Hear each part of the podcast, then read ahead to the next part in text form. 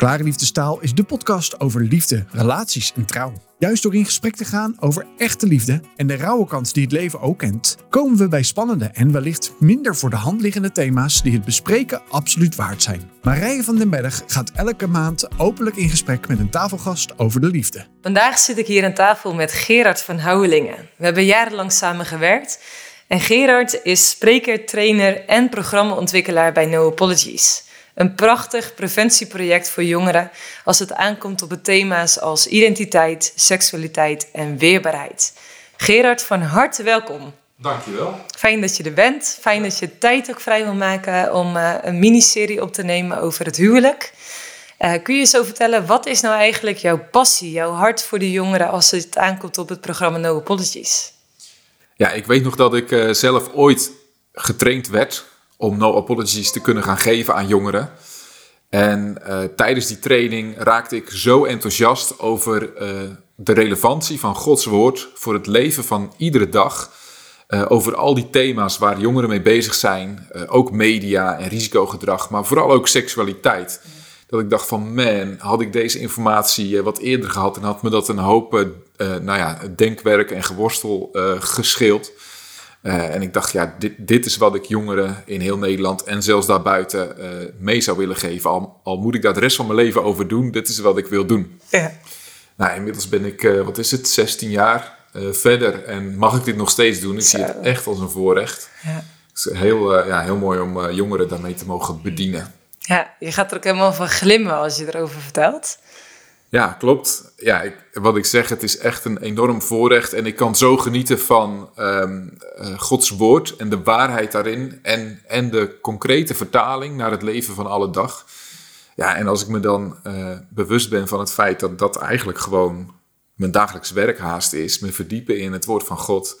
En nadenken over leuke creatieve manieren om dat met jongeren uh, te bespreken, erover door te denken, zodat zij daar ook weer iets mee kunnen. Ja, dat is fantastisch. Ja, nou, dat was ook wel waar ons hart altijd hetzelfde ritme had. In de passie om juist de Bijbel op een praktische manier dus uh, tastbaar te maken. En daar gaan we vandaag ook over in gesprek, namelijk over het huwelijk. Het huwelijk als rode draad door de Bijbel heen. Uh, de rolverdeling die je ook ziet, of de, de wijsheid die je leert in Efeze 5. En je eindigt met een paar uh, ja, verdiepingsvragen waar de luisteraar ook zelf over na kan denken. Dus dat wordt ook lekker concreet, lekker reflecterend en natuurlijk vol wijsheid van God daarin over wat je gaat vertellen. Ja, dat is inderdaad mijn gebed, dat het tot zegen mag zijn voor, uh, voor alle luisteraars. Ja, kun je, kun je eens aftrappen over de rol van het huwelijk in de Bijbel? Ja, wat ik wat ik ontzettend mooi vond, ik weet nog goed eh, toen ik me daar bewust van werd, toen ik dat ontdekte, de, de rode draad eigenlijk, die je door de Bijbel heen ziet. En dan kom je echt bij het huwelijk uit. dus ik vergelijk dat wel eens naar jongeren toe met een boekverslag. Als je dat doet en je wil eigenlijk een beetje uh, een, een, een, weg afsnijden, zeg maar even een korte route nemen, dan lees je het eerste hoofdstuk, je leest het laatste hoofdstuk, je leest de achterkant van een boek en je bladert zo'n beetje wat je tegenkomt. En dan krijg je een heel aardig beeld van waar gaat dit boek nou over. Nou is de Bijbel natuurlijk een enorm dik boek. Maar dan zou je dat doen. Dat is wel heel interessant. Want je komt in het begin van de Bijbel gelijk al het huwelijk tegen. De instelling van het huwelijk, Genesis 2. Uh, eh, het huwelijk tussen Adam en Eva. Nou, als je dan het laatste boek leest van de Bijbel, Openbaring, dan vind je daar eigenlijk weer een huwelijk. Maar dan het huwelijk tussen Christus en de gemeente. Ja. Nou, je ziet eigenlijk tussendoor dat uh, zowel in het Oude Testament de beeldspraak, de relatie tussen uh, God en zijn volk, wordt ook voortdurend vergeleken met, met het huwelijk. Of als het volk dan niet leeft tot eer van God, dan wordt dat vergeleken met overspel. Hè. Dan zie je dat echt die aanname daar is dat, dat het uitgangspunt is die huwelijksrelatie. Maar ook in het Nieuwe Testament kom je dat heel concreet tegen. Uh, in Efeze 5 onder andere, in Openbaring noemde ik al. En ik had nog een tekst daarbij. Uh, gevonden, maar die komt straks denk ik wel voorbij, uit Korinthe. Uh, dus, dus er zijn verschillende teksten die, die uh, daarop wijzen dat die vergelijking voortdurend gemaakt wordt tussen de relatie die God heeft met zijn kerk en de relatie die je als man en vrouw in het huwelijk hebt. Kun je ons eens meenemen naar het eerste huwelijksverhaal in Genesis? Wat gebeurt daar? Dat is een heel mooi verhaal, een heel veelzeggend verhaal. Zeker als je gaat inzoomen op al die details die je daar leest over hoe God uh, Adam maakt uit het stof, vormt hij die. En hij geeft hem gelijk een taak. Hè, dus hij mag alle dieren een naam geven. En Adam ontdekt gaandeweg dat hij zelf alleen is. En dan zegt God, het is, het is helemaal niet goed dat de mens alleen is. En dan breekt die Adam in een diepe slaap. En dan maakt die Adam als het ware incompleet. Hij haalt, hij haalt een rib of een zij, dat is een beetje afhankelijk van hoe je dat Hebreeuwse woord uh, vertaalt. Haalt hij uit Adam en daarvan maakt hij dan Eva, zijn vrouw. En die is dan letterlijk tegenovergesteld aan hem. Dus, dus dat is een hele, eh, al een heel veelzeggend iets volgens mij. Dat je ziet dat man en vrouw tegenovergesteld aan elkaar gemaakt zijn. Dat zie je ook letterlijk terug in de anatomie uh, van, van geslachtsdelen, van hoe de biologische werking daarvan is, van de voortplanting.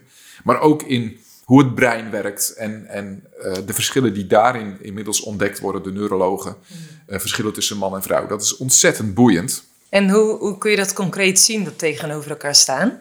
Zeg maar echt, hey, is dat tegenover elkaar, je begrijpt elkaar niet? Of is het tegenover elkaar staan van, uh, je vult elkaar daarin aan, je, je bent complementair? Of is het juist eigenlijk van, nou ja, je hebt natuurlijk ook de boek uh, vrouw, Mannen van Mars en Vrouw van Venus, zeg maar. Een soort van dat je allebei vanuit zo'n andere plek komt.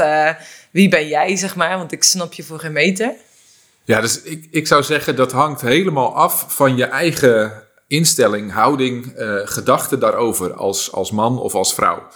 Um, maar de Bijbel is daarover duidelijk. Die, die, tegengesteldheid die is juist om elkaar aan te vullen. Um, hè, dus dat staat er ook. De, de, de vrouw die is, uh, uh, hoe zeg je dat, gemaakt als een hulp. En dat moet ik natuurlijk gelijk even uitleggen, want in onze taal heeft dat nog wel eens een negatieve, negatieve klank. Hè? En, ja de geschiedenis van de kerk um, verdient ook niet altijd de schoonheidsprijs op dat vlak. Wij hebben dat vers echt niet zo goed begrepen, denk ik.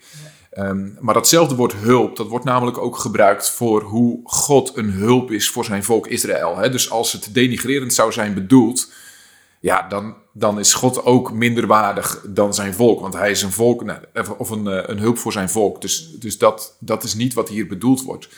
Maar het gaat veel meer, meer over de functies. En daar komen we straks in Efeze 5 nog wel even op terug.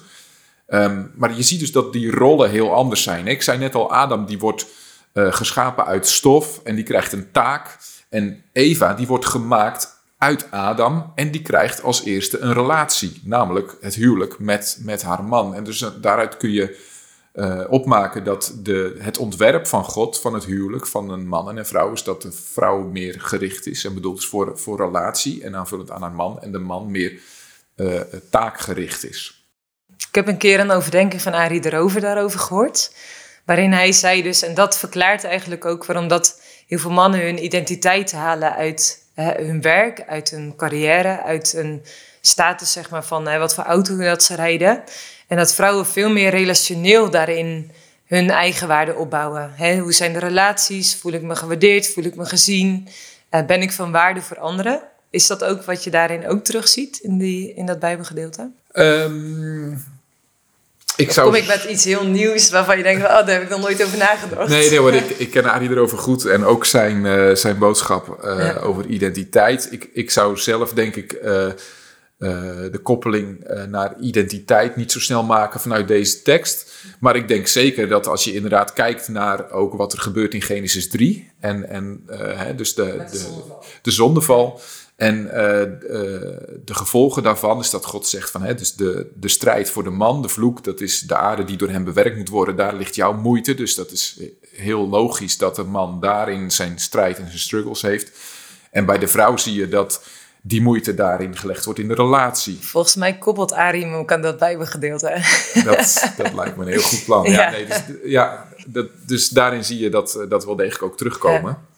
Ja, en ik denk dat het heel mooi is als het gaat over identiteit en huwelijk, dat je allebei je identiteit weet en vindt en uitleeft vanuit Christus.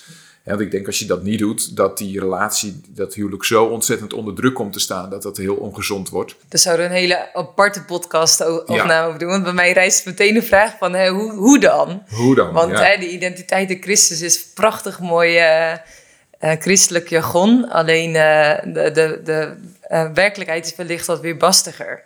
Ja, nou, dus ik, ik vind het altijd leuk om ook een beetje te prikken. Hè? Dus het hele begrip identiteit kom ik in de Bijbel niet tegen. Het is in ons uh, westerse denken, wat zijn oorsprong vindt in het Griekse denken, is het wel, het past heel erg in het concept denken. Maar het Bijbels-Joodse denken, wat veel meer een verhalende manier van denken is, doet niet zoveel met dat begrip identiteit. Dat doet veel meer met van oké, dit is het verhaal van hoe God man en vrouw gemaakt heeft en hoe uh, hij het huwelijk bedacht heeft. En dan is dat dus ook het goede om daarnaar te leven. Um, en, en ik denk, hè, waar we straks ook op uitkomen, dat wordt heus wel concreet. En ik denk dat dat heel veel zegt ook als je het westers-christelijk zou willen benoemen over uh, hoe kun je nou vanuit je identiteit in Christus in je huwelijk gaan staan. Ik denk dat Efeze 5 daar een geweldig hoofdstuk voor is. Ja, ja. En als je dan kijkt naar de openbaring, wat je zegt, het eindigt ook met een huwelijk. Ja.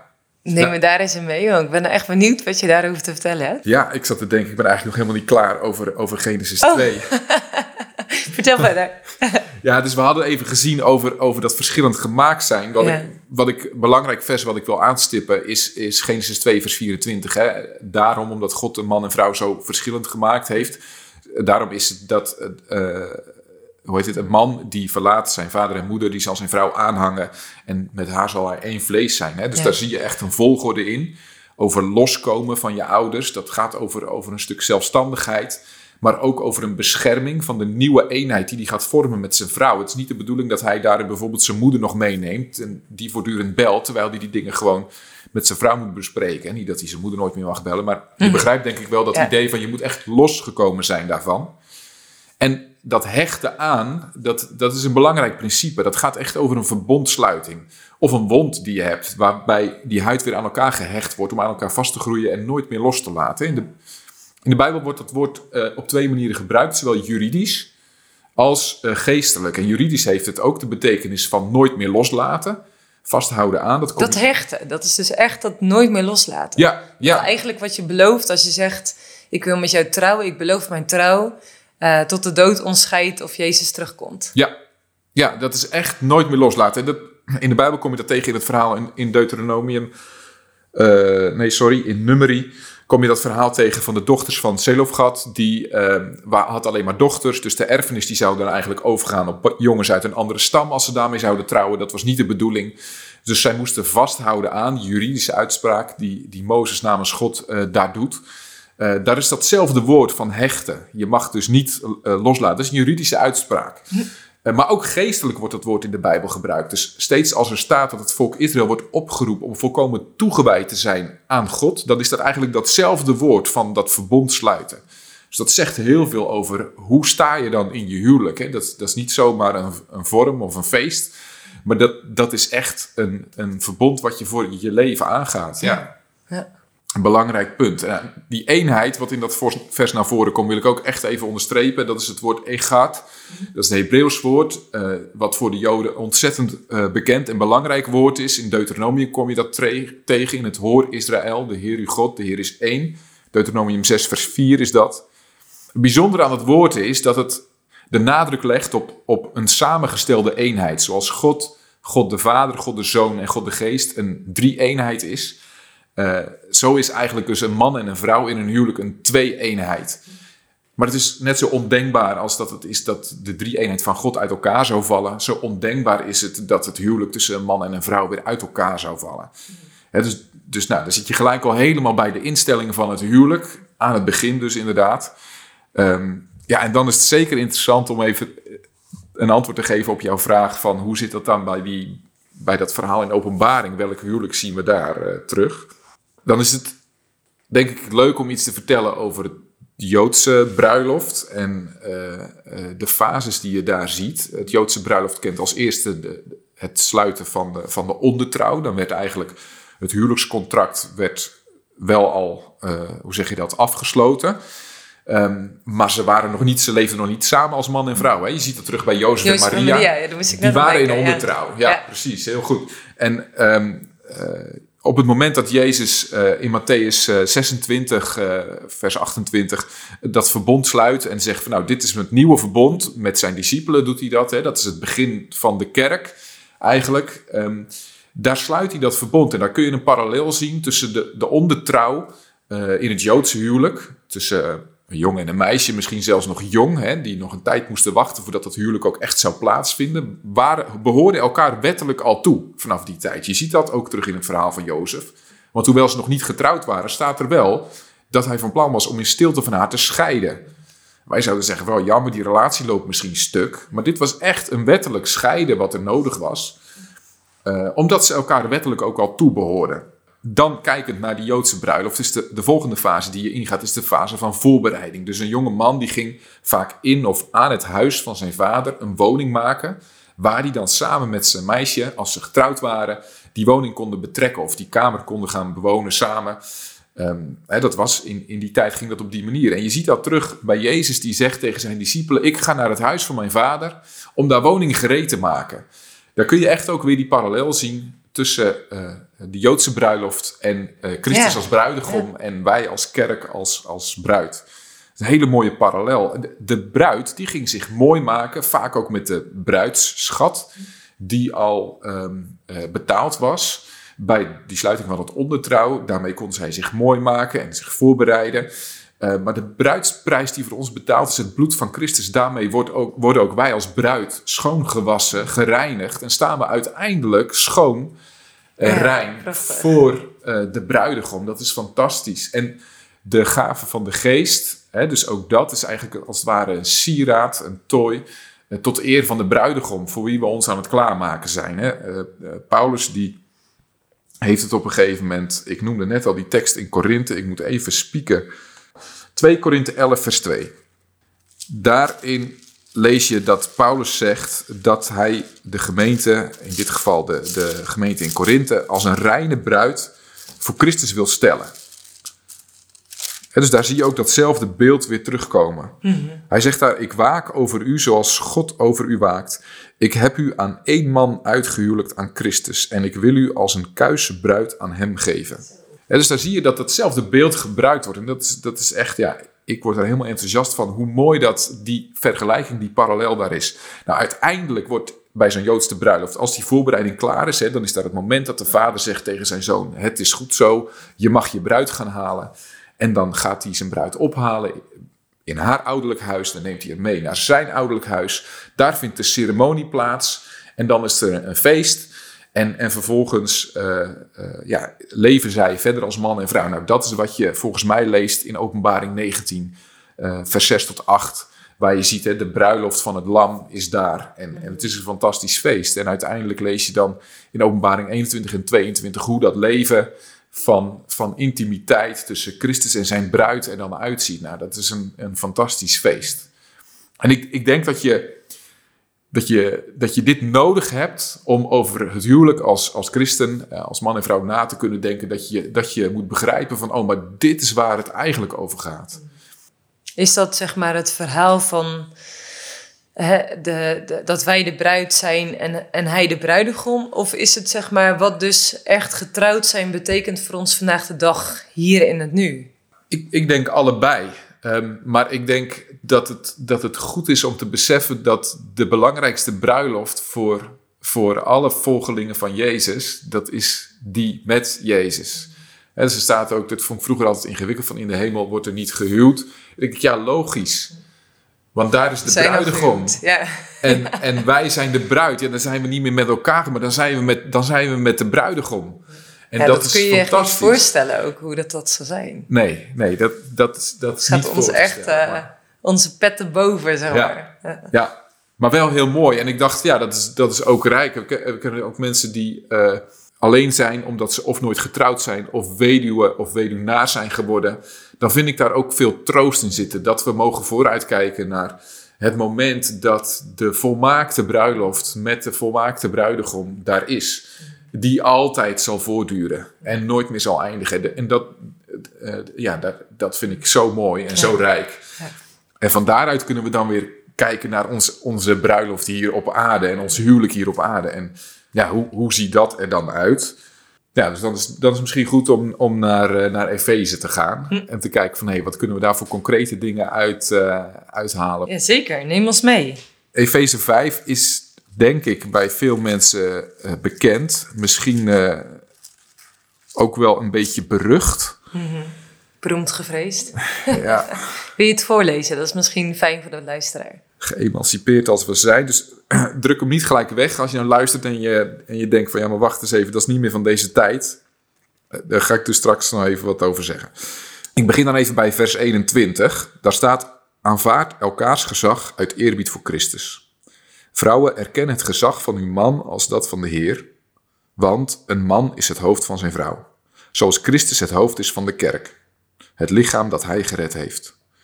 En zoals de kerk het gezag van Christus erkent, zo moeten vrouwen in ieder opzicht het gezag van hun man erkennen. Mannen, heb uw vrouw lief, zoals Christus de kerk heeft liefgehad en zich voor haar heeft prijsgegeven, om haar te heiligen, haar te reinigen met water en woorden, en om haar in al haar luister bij zich te nemen, zodat ze zonder vlek of rimpel of iets dergelijks zal zijn, heilig en zuiver. Zo moeten mannen hun vrouw lief hebben, als hun eigen lichaam.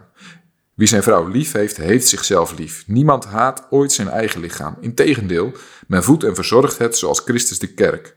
Want dat is zijn lichaam en wij zijn de ledematen. Daarom zal een man zijn vader en moeder verlaten en zich hechten aan zijn vrouw en die twee zullen één zijn. Dat is een citaat uit Genesis 2 vers 24 waar we net naar gekeken hebben. Nou, de laatste vers nog. Dit mysterie is groot en ik betrek het op Christus en de kerk, maar ook voor elk van u geldt dat ieder zijn vrouw moet liefhebben als zichzelf en dat een vrouw ontzag moet hebben voor haar man. Nou, gelijk maar even een aantal dingen om het wat beter in de context te plaatsen. Is, uh, dit is in het tweede gedeelte van de brief van Efeze. Dus dat is eigenlijk de praktische toepassing die Paulus geeft nadat hij in de eerste helft van de brief het evangelie van genade heeft uitgelegd. Um, dus dat is goed om ons daarvan bewust te zijn. En dan zegt hij uh, in Efeze 4, vers 1 en 2. Uh, ik die gevangen zit omwille van de Heer, vraag u dan ook dringend de weg te gaan die past bij de roeping die u hebt ontvangen.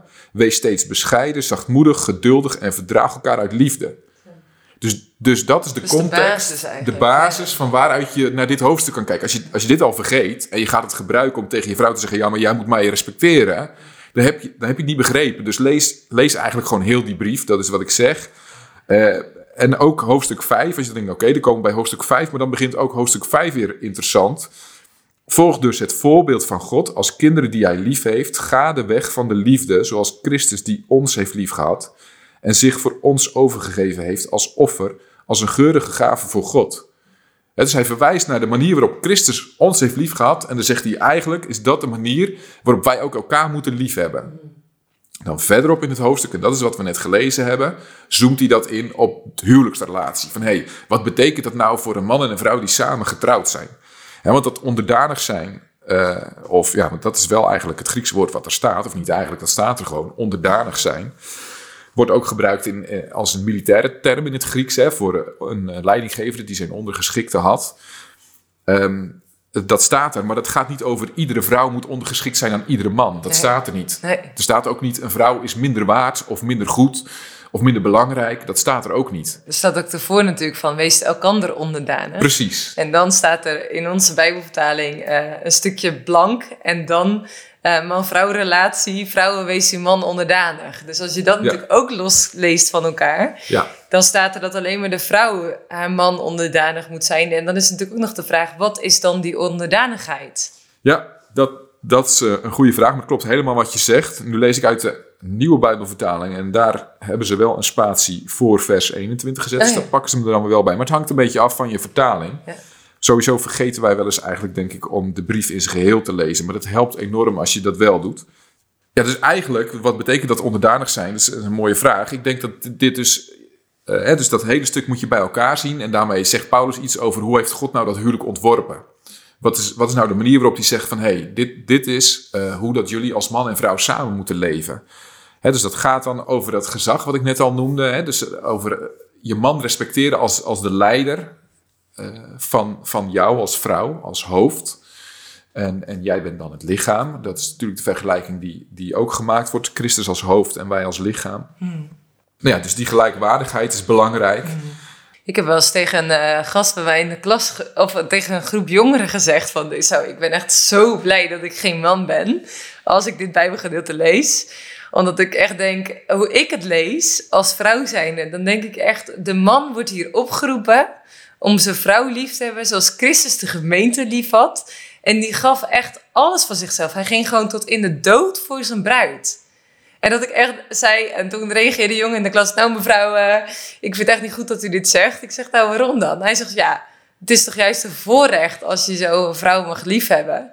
En, uh, en je zo mag inzetten, ook voor haar. En toen dacht ik echt, ja, hij, ik vond me echt wel een beetje op mijn vingers getikt. Maar dat was echt goed. Want het gaf me ook zo'n uh, verwondering over de positie die God dus toevertrouwt aan de man.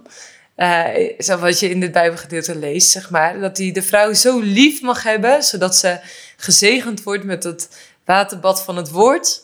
En dat zij ook haar leven aan hem toe kan vertrouwen, omdat ze weet, hij heeft met liefde al het beste voor me voor. Hij wil me lief hebben en daarmee gaat hij me eigenlijk voor in het leven. Ja, ja precies. He, dus de mensen die zeggen van oh, de Bijbel is vrouwonvriendelijk, dan denk ik, nou, als je dit hoofdstuk goed leest, dan lijkt het eerder manonvriendelijk. Als je, Als, Echt? Als, je daar op die manier naar zou willen kijken. Maar inderdaad, ik denk dat die, dat die uh, jonge gasten in, in, in die klas het heel, heel goed verwoord heeft. Dat het een voorrecht is dat je als man zo je vrouw lief mag hebben. En ik denk als je inderdaad als man eh, je vrouw op die manier lief hebt, dat, dat het voor een vrouw geen enkel probleem is om te zeggen van hé, hey, maar dan wil ik ook graag jou als, als mijn leider uh, respecteren. En, en je steunen waar dat nodig is en, en uh, jou tot een hulp zijn op die manier. Uh, en dat is belangrijk. Um, dat uh, waterbad van het woord, kun je daar iets over uitleggen? Wat, wat is dat? Ja, dus er zijn een, er zijn een aantal dingen die, die genoemd worden. Hè, dus voor die vrouwen is het vooral dan ja, dat wordt samengevat in respecteer je man of, of, of onderdanig zijn. Dus dat laatste vers is eigenlijk een soort samenvatting uh, van uh, vrouwen uh, moeten ontzag hebben voor hun man. En mannen moeten een vrouw lief hebben als zichzelf. Maar die liefde voor die man, die wordt inderdaad ingevuld. En een van de dingen is dat reinigen. Zijn nog een aantal dingen ook. Hè. Dus de eerste noemde je net al, jezelf opofferen. En dan vervolgens die heiligende invloed op je vrouw hebben. En die reinigende invloed op je vrouw hebben. Ik denk als je kijkt naar hoe Christus de gemeente gereinigd heeft um, en heiligt, dan gaat dat, die reiniging, dat gaat over zijn genade. Over niet het aanrekenen van de dingen die, die uh, wij als, als zijn bruid zeg maar, fout hebben gedaan. Maar dat hij ons daarvan vrijzet. Hij laat geen schuld en schaamte op ons. En ik denk dat dat een belangrijke taak is voor, voor mij als man, richting mijn vrouw Eline. Dat ik me daar bewust van ben en, en daar ook actief en proactief in ben. Dat ik haar uh, niet schuld oplaat of de dingen kwalijk blijf uh, uh, houden voor, voor dingen die niet, ja, wat volgens mijn manier of zo zijn gegaan. maar dat ik juist mij inzet om haar daar ja, te vergeven, genadig te zijn, ook in die huwelijksrelatie. Juist misschien die, die kleine dingetjes waar je je zo makkelijk aan kan storen. Um, van de manier waarop een vaat was ingeruimd wordt, of nou ja, noem het maar op. Maar dat je tot in die kleine dingen echt die houding hebt van hé, hey, maar ik, ik wil jou daarin uh, vrijzetten. Ik wil, ik wil geen schuld en schaamte op je laden, maar ik wil je vergeven voor de dingen die je, die je verkeerd hebt gedaan. Zo, mooi hè? dus dat, dat zit, daar volgens mij, uh, zit daar volgens mij in. Die, die heiligende invloed. Ik denk dat je daarin ook mag zien dat, dat, dat, dat ik als man verantwoordelijkheid neem om uh, mijn vrouw te, te, te, stimuleren, om, om te groeien, geestelijk, emotioneel. Uh, ja, dat ze meer tot haar recht komt, tot bloei komt. Uh, heilige betekent letterlijk apart gezet zijn. Hè? Dus ik zie daar ook in dat de manier de, waarop ik mijn relatie met mijn vrouw invul, die is apart gezet van alle andere relaties die ik heb. Er is niemand met wie ik die intimiteit beleef, niet alleen lichamelijk, maar ook geestelijk en emotioneel, als, als met mijn vrouw. Maar ook dus gericht op haar groei, ook haar geestelijke groei. Um, en op die manier dat zij ook mag groeien in haar relatie met, met God. Dat ik, dat ik daar ook uh, ja, op, op inzet en mee bezig ben. Dus, dus dat uh, zit daar ook in. En iets anders wat je nog tegenkomt in dat rijtje wat Paulus hier noemt over hoe dan een man zijn vrouw moet liefhebben, is dat hij haar moet eren. Hè? Er staat hier, even kijken, uh, in al haar luister bij zich te nemen. Nou, dat woord luister, dat is een prachtig mooi woord. Hè? Dat betekent met grote achting, luisterrijk, uh, schitterend. Dat je op die manier je vrouw koestert. Dat je op die manier, ja. Dus ik heb wel eens gelezen of gehoord, ik denk dat ik het gelezen heb. Um, nou, hoe, hoe het precies ging, was in ieder geval iemand die had een relatie met een meisje en die had erover een gesprek met een vriend of zo. En, en nou ja, die vond dat meisje eigenlijk maar een beetje zo-zo. En een aantal jaren later ontmoeten ze eh, elkaar weer. En toen, toen vroeg die vriend, die die vrouw eerst maar een beetje zo-zo vond, die vroeg aan die vriend van hem, wat is er gebeurd? Want ze, ze schittert en ze straalt. En toen gaf hij een antwoord zoiets als van, ja, maar dat is maar net hoe je, hoe je haar koestert en hoe je met haar omgaat. Want daarmee kun je je vrouw laten schitteren. Ik vind dat in die zin een mooi voorbeeld, dat dat ook gelijk de boel een beetje op scherp zet van, hoe zit je erin? Dus het van, nou ja, uh, heeft zij wat ik graag wil? Ja. Of gebruik ik alles wat ik in me heb om haar te eren en haar te laten stralen voor wie zij is? Ja. Ik heb een uh, opa geadopteerd, opa Joop. Jij kent hem ook nog. Ja, als een oude nog, vrijwilliger ja. waar we vroeger mee werkten. En hij zei ooit tegen mij van Marije, in de volksmond is het geven en nemen. Uh, maar ik wil dat eigenlijk uh, ja, daarin eigenlijk inspireren in van het is niet geven en nemen, maar het is geven en ontvangen. En wij zijn dus zo gericht van wat we kunnen pakken, wat we kunnen krijgen, waar we recht op hebben. we hebben recht op geluk en als jij me niet gelukkig maakt, dan ga ik het elders zoeken. Uh, terwijl wanneer je kunt liefhebben vanuit de hartsgesteldheid van geven en wellicht ontvangen van de ander, is dat een hele andere uh, zinsgesteldheid, omdat je gericht bent op de ander. Ja. En hoe je de ander kunt laten schitteren en hoe je de ander lief kunt hebben in plaats van dat je op jezelf gericht bent. Ja, ja, ja en wat ik wel opvallend vind, is, is ik denk dat het ook gaat over verschillen tussen, tussen mannen en vrouwen. Is dat vrouwen die worden hier dan opgeroepen om hun man te respecteren en, en in hun positie als, als leider, zeg maar, uh, uh, achter hun te staan en, en uh, na te volgen.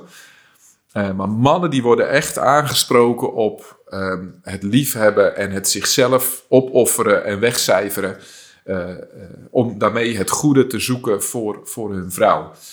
Um, ik denk ook dat, dat vrouwen over het algemeen dat in zich hebben om te zorgen uh, voor, mm. heeft die ander het naar zijn zin? Mm. en, en daar, nou ja, eerder misschien nog wel eens een beetje afhankelijk van wellicht welke vrouw, maar sommigen daar een beetje zichzelf in kunnen verliezen. Mm. En mannen veel meer geneigd zijn om uh, nou ja, die focus lekker op zichzelf te houden. En te denken van, nou ja, oké, weet je, ik heb ook mijn drukke baan. Of ik ga ook gewoon lekker sporten. Of uh, nou ja, vul al die dingen maar in. Uh, in welke vorm je dat tegen kan komen. Maar het appel is hier dus echt om, om als man ten koste van jezelf het goede te zoeken voor, voor jouw vrouw. Zodat zij kan stralen. Dat is ook het volgende stukje in die tekst. Is dat hij dus eerst wordt dat beeld gebruikt van zoals Christus de gemeente heeft. Daar wordt de man toe opgeroepen, maar Paulus gaat het nog verder inkleuren. Hoe ziet dat liefhebben er nog meer uit? Dan zegt hij, zoals je je eigen lichaam lief hebt, zo moet je je vrouw lief hebben. Nou, als man zorg je voor je lichaam. Als je honger hebt, stop je er eten in. Als je hebt om te sporten, dan ga je lekker sporten. Nou, noem alles maar op.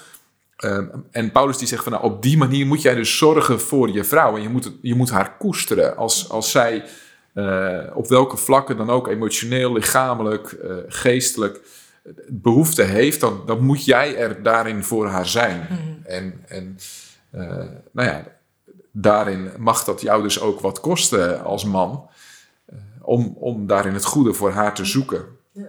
Ik heb door, door de tijd heen zoveel vrouwen gesproken die zeggen van... hé, hey, God roept mij op om een man na te volgen. Maar hoe kan ik een man navolgen die niet zijn verantwoordelijkheid neemt?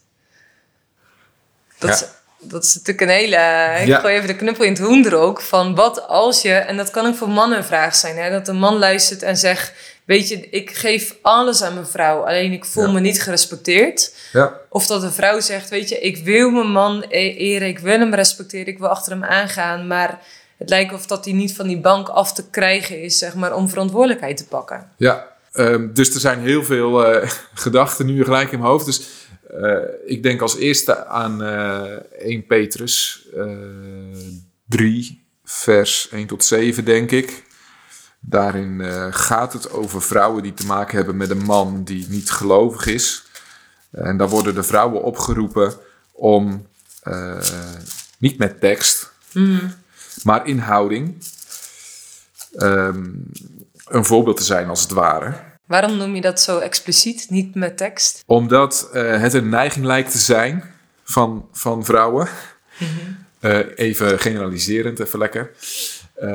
om mannen te vormen naar het plaatje, wat het ideaalplaatje wat zij hebben. Mhm. Hoe ze dan ook aan het plaatje precies komen. Ik weet niet welke rol Netflix daar precies in speelt. Maar goed, ze hebben een bepaald plaatje opgedaan. Uh, en, en dan proberen ze hun man zover te krijgen. En daarvoor gebruiken ze het liefste dan ook nog eens heel veel tekst. Hmm. Nou, dat werkt. Hè, dus als je een beetje verdiept in hoe een brein werkt, dan werkt het bij een mannenbrein uh, niet altijd. Nou, meestal niet, misschien wel. Um, maar ook, ook bijbels is dat dus een principe. Er staat voor u vrouwen geldt hetzelfde. Erken het gezag van uw man. Dit is dus 1 Petrus 3. Uh, dan zullen mannen die weigeren Gods boodschap te aanvaarden, daardoor gewonnen worden door het gedrag van hun vrouw, zonder dat ze iets hoeft te zeggen. Uh, omdat ze zien hoe zuiver u leeft uit ontzag voor God. Uw schoonheid moet niet gelegen zijn in uiterlijkheden, zoals kunstig gevlochten haar, gouden sieraad of elegante kleding, maar in wat verborgen ligt in uw hart, in een stil en zacht gemoed. Dus er komt ook nog een stukje achteraan voor, voor mannen. Een andere tekst is, uh, daar staat, Christus is het hoofd of God is het hoofd van Christus, Christus is het hoofd van de man. En de man is het hoofd van zijn vrouw. Nou, wat doe je in je bedrijf? Hè? Als je een klacht hebt over jouw leidinggevende nou, en hij luistert daar niet naar, nou, dan ga je naar zijn leidinggevende. Hè? Dus als je als vrouw te maken hebt met een man die ofwel uh, in de kant zit van, uh, want ik zie daar een schaal in. Je kunt zeggen, oké, als man lees je dit Efeze 5, dan zeg je, oké, vrouwen moeten dus respect hebben voor mij. Ze moeten mijn gezag opvolgen en die gaan een beetje als een soort een tiran gaan ze die rol invullen. Nou, dan, en hij luistert niet naar jou als vrouw van hé, hey, wacht eens even, dit is niet oké. Dan kun je dus je verhaal doen bij, bij zijn leidinggevende, dat is dus Christus. Dan ga je in gebed. Hij kan ook op de andere kant van de schaal zitten, dat hij passief is. Inderdaad, wat je net zegt, op de bank zit zijn verantwoordelijkheid niet neemt. Um, en als hij dan ook niet naar je luistert, ook dan kun je uh, je nou ja, beklag doen bij zijn hoofd, bij Christus. Dat is denk ik ook het enige goede adres. Doe het niet bij je vriendinnen of bij je moeder of bij zijn moeder. Uh, dat maakt vaak meer dingen kapot uh, dan lief is. Hè. Woorden hebben kracht. Ja. Um, maar je, en vooral hebben die woorden kracht in het vormen van je eigen gedachten. Dus iedere keer dat jij als vrouw loopt te klagen over je man bij je vriendinnen, dan, dan zet je jezelf als het ware die bril steeds vaster op van, oh, zo, zo kijk ik naar mijn man. Mm. Het mooiste is natuurlijk als het lukt om hier samen gesprek over te hebben. Ja. Maar goed, misschien is dat al wel ingewikkeld en, en zijn daarom die rollen zo. Of dat heeft dan met elkaar te maken. Dat ja, kan soms zo'n zijn beetje natuurlijk patronen die door de jaren heen erin slijten. Ja, Hey, maar eigenlijk, hè, wat je nu zo stelt, is eh, eh, bespreek het samen of bespreek het met God. ja Eh, waar zou dan ik het punt, ja, zeg maar sowieso. Waar zou dan het punt kunnen zijn dat je zegt van hé, hey, dan is het wel goed om of naar de voorganger te gaan of naar de oudste of ergens anders hulp in te gaan? Is dat zeg maar als je zegt van hé, hey, we, willen, we willen samen wel, maar het lukt ons niet? Of er zit bepaalde gebrokenheid in de weg waardoor we eh, die, die, die liefde naar elkaar, zeg maar, dat toevertrouwen, eh, dat dat beschadigd is en dat het daarom eigenlijk veel moeilijker is? Of wat, wat, wat is dan het moment, zeg maar, dat je. Want som, ik ken ook stellen die samen enorm worstelen. Ja, En wel heel graag willen en, en samen willen blijven. En zeggen van, hé, hey, weet je, we willen hiervoor gaan, we geloven hierin. We hebben elkaar lief, maar ergens is die miscommunicatie of, of vinden we elkaar niet. Hè, voelen we ons niet allebei gerespecteerd of geliefd? ja. Ja, dus het kan enorm helpen om als je daarin vastloopt als, als stel, of misschien als een van de twee. En de andere, eh, ja, die zit in de ontkenningsfase of die wilde gewoon niet aan. Ehm, dat je dan inderdaad in vertrouwen natuurlijk bij de juiste mensen daarin, daarin hulp zoekt in je gemeente, in pastoraal werk. Ehm, eh, om, om daarin zelf ook steun te krijgen. Ook om, denk ik, te groeien in een, in een bijbels beeld eh, van, van huwelijk en je rol in het huwelijk. En jouw specifieke dingen waar je tegenaan loopt, eh, Ja. eh, verder te onderzoeken van hey, hoe, hoe komt dat, welke patronen zijn Ja. er Eh, en, en hoe kan ik daarin zelf eh, eh, veranderen. Ehm, ja, dus het is natuurlijk lastig om daar een heel algemeen antwoord op te geven. Ja, het zijn vaak hele specifieke dingen. Ik herinner me nog een geval, of een geval, een stel die bij me waren gekomen, waar eh, sprake was van, van op het vlak van seksualiteit en, en eh, met name pornografie. En, en hoe dat eigenlijk ja, een wig dreef in, in hun huwelijk. Dus ja, dan heb je een aantal sessies met elkaar waarin je daarover in gesprek gaat. Enerzijds dus van, hé, hey, wat doet het met je? Anderzijds van, wat is Gods waarheid die we hier tegenover gaan zetten? En hoe kun je dat dan eh, heel praktisch en heel concreet maken in, Ja. in deze situatie? Ja. mooi. Hey, en dat respect van de vrouw naar de man, want we hebben het uitgebreid gehad over hoe een man zijn vrouw kan liefhebben. Ja. Maar ik kan me voorstellen als er een luisteraar, eh, vrouwelijke luisteraar eh, luistert, die echt denkt van ja, ik wil mijn man respecteren, maar ja, respect is tegenwoordig, hoe werkt dat eigenlijk? Hè? Respect moet je verdienen of heb je al? Bij voorbaat, hoe werkt respect? Ja, nou, eh, ehm, hoe werkt respect? Goeie vraag. Hoe werkt dat voor jou bijvoorbeeld? Zeg maar? Wanneer voel jij jezelf gerespecteerd door Eline? Nou, de- dat grappig. Dat kan in hele kleine dingetjes zitten wanneer ik het niet voel of wanneer ik het wel voel. Eh, dat kan in een complimentje zitten over een taak die ik gedaan heb. Hè, dus als ik dan een keer, eh, gisteren was een leuk voorbeeld. Ik dacht, weet je, ik ben me hierop aan het voorbereiden. Ik moet natuurlijk ook practice what you preach. Dus eh, ik wist dat Eline vanochtend eigenlijk graag wilde gaan, eh, gaan dansen, gaan sporten. Ehm, maar ja, ik weet ook dat de badkamer moet schoongemaakt worden. Dus ik denk, weet je wat, eh, als ik nou die badkamer schoonmaak, dan heeft zij dat niet meer in de hoofd zitten. En dan is ze ook echt vrij om lekker te gaan, eh, te gaan dansen. Eh, dus dat, dat zo gezegd, zo gedaan. En als ik daar dan een, een, een opmerking over krijg van... oh, ik, heb, ik zie dat je de badkamer hebt gedaan, dank je wel, wat tof. En dan voel ik me daarin gezien en gekend. Dat is een, een klein voorbeeld Ja. daarin. Ehm, ja, het kan ook zijn als je... Ik weet niet of alle mannen dat hebben, maar ik ken wel meerdere mannen dan alleen mezelf... die allerlei ideeën hebben over, eh, nou, noem maar iets geks op... over hoe je het huis wil gaan verbouwen of... eh, dat je dan niet gelijk, zeg maar, eh, ehm, je idee eh om, zeep, wordt geholpen. Ehm, en niet, ook niet gelijk dat het allemaal maar dan moet gebeuren, maar dat je daarin wel ook op een respectvolle manier nou ja, meedenkt of, Mm. of daar, ondersteunt. Wij hebben, eh, mogen ook vier kinderen opvoeden, wij hebben vier kinderen gekregen. Die, die, daar doen we ons best voor. Ehm, wat ik ook een belangrijke vind daarin is, soms maak ik ook wel eens een vergissing in een opvoedsituatie. Eh, het, eh, als het dan gaat over respecteren, wat bij mij niet helpt, is om dan de beslissing die ik genomen heb, nou ja, hoe zeg je dat, in twijfel te trekken of daar niet mee eens te zijn waar de kinderen bij zijn. Mhm. En soms moet ik achteraf toegeven dat dat alsnog wel goed was om te doen. En dan hebben we het daarover. Eh, hè, dus ik wil ook weer niet zeggen van dat mag niet of nooit. Want ja, mijn vrouw die ziet soms vaak gewoon Anders. dat, nou niet alleen Nee. anders, maar ze ziet meer elementen van de situatie dan Ah, ja. waar ik dan mijn focus op Ja. heb als het bijvoorbeeld om een conflict situatie met kinderen gaat. Dus dan heb ik haar ook echt nodig. Vandaar ook, eh, denk ik, hoe die verschillen in dat brein zo aanvullend kunnen zijn. Eh, maar goed, dus, dus dat soort voorbeeldjes van hoe ga je met elkaar om, hoe communiceer je met elkaar. Eh, maar het, het kan ook in, in houding zitten. Hè? Dat voel je dan soms aan zonder dat er woorden gesproken worden. Voel je aan of dat, of dat iemand denkt van ja, oké, eh, je zegt het allemaal leuk, maar eh, of dat iemand eh, nou ja, echt ook een soort trots op je is. Ja. Dus, dus dat soort. eh, Nou, heel veel praktische elementen eigenlijk. Eh, we- we willen deze podcast afsluiten met een aantal reflectievragen. Eh, er is nog een deel 2, dus er is nog weer van je wijsheid te absorberen bij de tweede podcast die we op gaan nemen.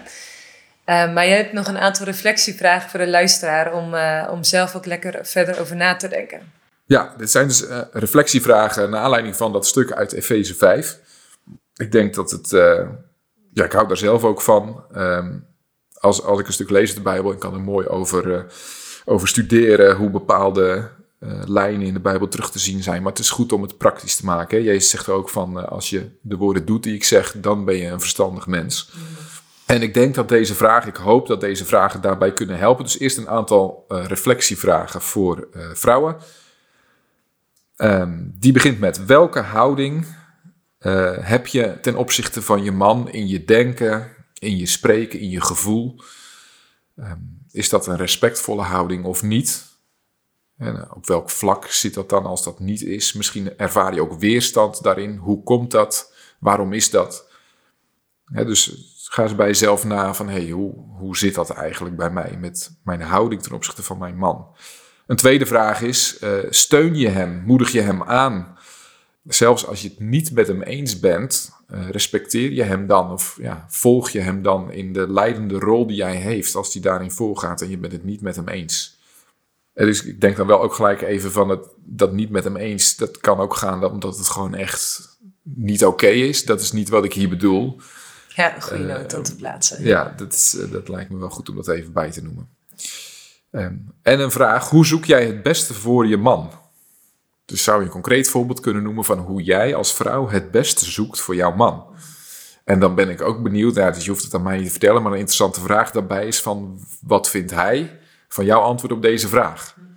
Het is leuk om dat met elkaar te bespreken. Ja, Oké, ik, heb, ja, ik heb het idee dat ik op deze manier echt het beste zoek voor jou. En als je dat met elkaar gaat bespreken, dan, nou, dan kan er heel mooie, mooie dingen uitkomen. Uh, een laatste vraag. Welke gewoonte moet je aanleren of juist afleren als je die relatie tussen Christus en de kerk wilt weerspiegelen in jouw huwelijk?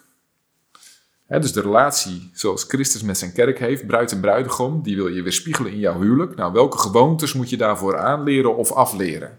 Zo, prachtige vragen zeg. Mooi hè? Ik heb ze niet zelf bedacht hoor, dat, uh, dat kan ik je wel vertellen. Maar ik kwam ze tegen in een, uh, in een studie van uh, Charles Swindoll. En ik dacht van ja, ik, ik, het helpt mij enorm om deze hele praktische vragen mm -hmm. voor mezelf en met Eline te bespreken. Maar ik geef ze ook graag door. Dus hier nog een rijtje reflectievragen voor uh, mannen. Heb jij je vrouw lief zoals Christus de kerk heeft lief gehad en lief heeft? En welke voorbeelden kun je daarvan noemen? Van hoe jij dat doet. Hè? Want we kunnen wel het idee hebben als, maar ja, dat doe ik. Maar noem eens een aantal concrete voorbeelden daarvan.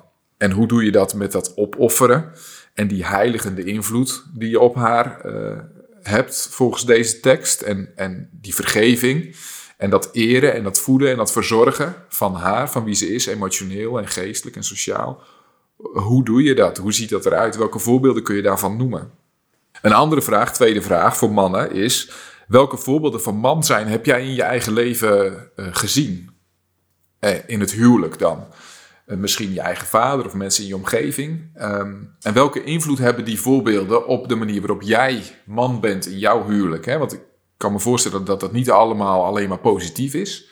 Dus ik vraag ook niet per se, de vraag is niet per se alleen bedoeld voor rolmodellen, maar een bewustzijn van hey, welke voorbeelden heb ik gezien en hoe heb ik daar iets van meegenomen genomen in, in mijn uh, huwelijk. Nou, ik noemde al even die schaal van hè, als wij dan leider zijn.